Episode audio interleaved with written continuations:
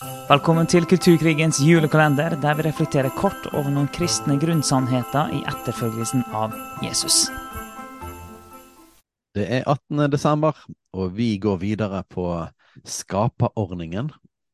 Og eh, nå skal vi snakke om ekteskapet. Vi snakket i går om mann og kvinne, og det er jo selvfølgelig utgangspunktet. Men ikke bare har han skapt to kategorier mennesker, en mann og en kvinne. Um, men meningen var at denne mannen og denne kvinnen skulle finne sammen og bli ett. Og både representere Gud, men òg bli en familie. Så vi kan både ta utgangspunkt i dette med at, at, eh, de skulle være fruktbare og bli mange, og det er kun en mann og en kvinne som kan være fruktbare sammen og få barn. Um, og når en mann og en kvinne uh, får barn, så blir det jo familie. Og så står det videre i, i kapittel to. Etterpå så står det litt mer nøyaktig da, om historien om skapelsen av mann og kvinne. Og eh, da står det i kapittel to vers 18. Så sa Gud Herren, det er ikke godt for mennesket å være alene. Jeg vil gjøre ham en medhjelp som er hans like. Så her er det altså Adam som er alene først, da. Og, eh, og så sier Gud at det er ikke bra for han å være alene men han trenger faktisk en medhjelp. Og eh, dette har jeg hørt eh, noen jødiske rabbier snakke om, dette her medhjelp som er hans like. Og det er veldig interessant. Um, det kan oversettes uh, en nyttig motstander. Altså en person som er nyttig, altså en, en medhjelp. Det, dette, dette, dette, er, bra, dette er utfyllende. Mens det er òg en person som er sterk og annerledes, og står på en måte i kontrast til en. Eh, og inni der så ligger det en sånn iboende konflikt, rett og slett. Eh, så dette er en sånn gudegitt kontrast og en gudegitt kan du si, konflikt. Det er ikke godt for mannen å være alene, men det er ikke bare det er ikke bare dumt for mannen å være alene fordi at da blir han ensom, men det er heller ikke godt for han å bare være bare ha seg sjøl, eller bare ha noen som er helt like. Det er mm. faktisk eh, best for mannen å ha noen som er en kontrast, noen som er såpass forskjellig at det er ganske vanskelig. Rett og slett en nyttig motstander. Mm. Mm. Ja, det, ja. Og det er Jeg syns det er fascinerende med den her eh, hva, hva jeg skal kalle kontrasten, tosidigheten, hva en skal kalle det. Men det, det at vi er eh, Gud skapte mann og kvinne, og så skapte han mann og kvinne til å være sammen, sånn som vi snakka om i går. Og på den måten kan vi være et bilde av en representasjon av Gud på jorda. Eh, men så, vi, vi, kan ikke gjøre det alene. Jo da, det er folk som eh, lever, lever singleliv, og det er folk som eh, lever i, single hele livet, lever enslig hele livet, og som er kalt til det. Det betyr ikke at de lever ufullstendig liv, det er ikke det vi mener. Men nå snakker vi om hva er det Gud har skapt, og hva er det som er, hva er, har vært skaperordninga, og hvordan er det ment at nesten alle skal leve? Mm. det det, det kan si. Eh, Jesus, både Jesus og Paulus og andre levde jo eh, enslig. Eh, men eh, når vi snakker om Jesus, da, så sa Jesus i Matteus 19 Har dere ikke lest at Skaperen fra begynnelsen av skapte dem som mann og kvinne, og sa Derfor skal mannen forlate far og mor og holde fast ved sin kvinne, og de to skal være én kropp. Så er det ikke lenger to, de er én kropp. Og det som Gud har sammenføyd, skal mennesker ikke skille. Ok, Så Jesus bekrefter at Gud har skapt oss som mann og kvinne fra begynnelsen av. Så bekrefter Jesus at det er meninga at mannen og kvinnen skal komme sammen og gå fra to til ett.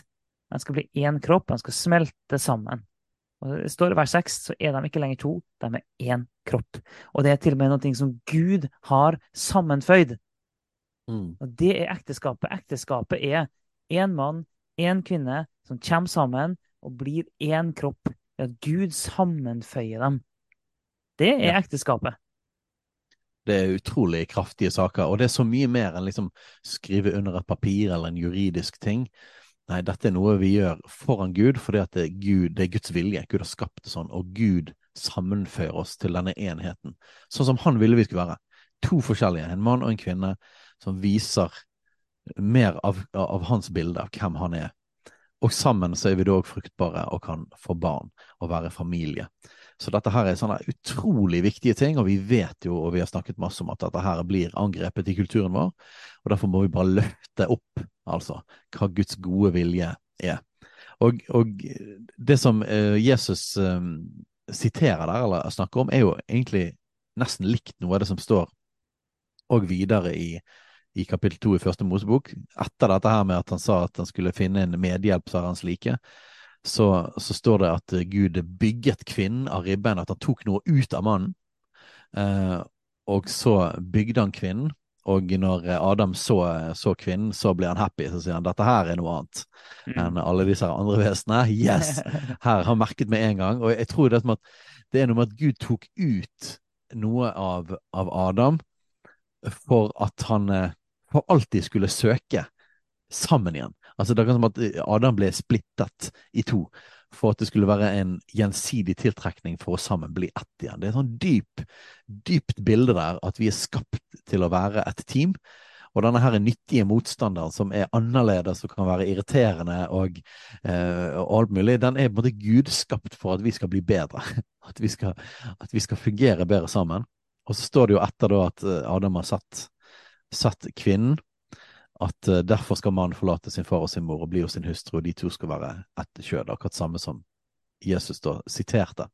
Det betyr at Jesus han, han bekrefter og streker under hele denne her historien om at dette er Guds vilje. Og når Jesus snakker om dette òg, så snakker han om det òg i forhold til skilsmisse etter hvert. Og, og, det Gud har sammenføyd, skal mennesker ikke skille. Og det er en eh, ganske stor og viktig del av dette. At denne enheten som Gud har skapt, er en hellig enhet som, som, det er Guds vilje at, ikke, at, vi ikke skal bryte opp. Faktisk så står det i Mosloven at Gud hater skilsmisse. Mm. Og det handler om dette her med at Og vi vet at ekteskap kan være kjempevanskelig. Vi vet at relasjoner kan være kjempeutfordrende. Og, og det står jo blant annet om, om hor og skilsmisse på av hor og, og, forskjellige sånne ting. Og vi skal ikke gå, gå dypt ned i hele denne greien med grunner for skilsmisse og forskjellige ting. Men men det er ingen tvil om at helt fra starten av, og bekreftet av Jesus, så er det, er det helt klart at Guds vilje er at det skal være enhet i ekteskapet, og at dette er for livet. Og at ekteskapet det er et valg, kjærligheten er et valg, det er en pakt vi inngår. Som vi trenger Guds nåde og Guds kraft for, og det er helt klart det trengs to personer òg, som vil følge Jesus og, og, og, gå for hans vilje for at det skal fungere sånn som intensjonen var. Men, men vi må løfte opp òg i vår tid at uh, det er ikke meningen at vi skal leve sammen uten å ha en pakt, det som kalles samboerskap. Uh, det er ikke meningen at vi skal kunne ha, sex utenfor denne her pakten, altså sex utenfor ekteskapet. Det kalles hor. Og det er heller ikke meningen at vi skal bryte ekteskapet eller å bryte det opp og skilles. Uh, det er òg imot Guds design og Guds gode vilje. Og vi tror òg at ekteskapet er det aller, aller, aller beste plattformen for barn å vokse opp i. Og så tror vi heldigvis på Guds gjenopprettende kraft og nåde. At der har, ting har vært ødelagt, og der folk har vokst opp i brutte hjem, og der folk ikke har uh, fått ta den plattformen, så kommer, kan Guds nåde komme inn og gjenopprette. Og Gud, som er den rette far til alt som kalles far og barn, han kan, han kan være far uh, for de som ikke har hatt far, for de som har vært farløse. Men selv om alt dette er sant, at evangeliet gjenoppretter, så må vi løfte opp hva som er Guds opprinnelige design og Guds vilje. Ja, og definisjonen på hva ekteskapet er, finner vi jo i denne versen her, i begynnelsen av eh, første Mosebok og i Matteus 19, så finner vi definisjonen på hva ekteskap er. Og det er jo en av grunnene til at vi sier at uh, likekjønnet ekteskap er ikke ekteskap, det er noe annet. Ekteskapet, sånn som Bibelen definerer det, er én mann, én kvinne. Det er ikke flertall, det er ikke polygami, men det er heller ikke to av samme kjønn. Det er ulikt kjønn. Det er én mann, én kvinne. Det er selve definisjonen av ekteskapet. Alle andre ting er, det er noe annet. Det er ikke ekteskap i bibelsk forstand. Det er ulike typer forhold, men det er ikke ekteskap. Ekteskap er kun mellom én mann, én kvinne, livet ut, som Gud har sammenføyd. Det er definisjonen på ekteskapet. Og det er én av flere årsaker til at vi er så tydelige på at eh, at det, det, Bibelen viser oss, er at ekteskapet er kun for mann og kvinne. Så viktig, og en fantastisk institusjon. La oss snakke opp ekteskapet, la oss snakke opp familie.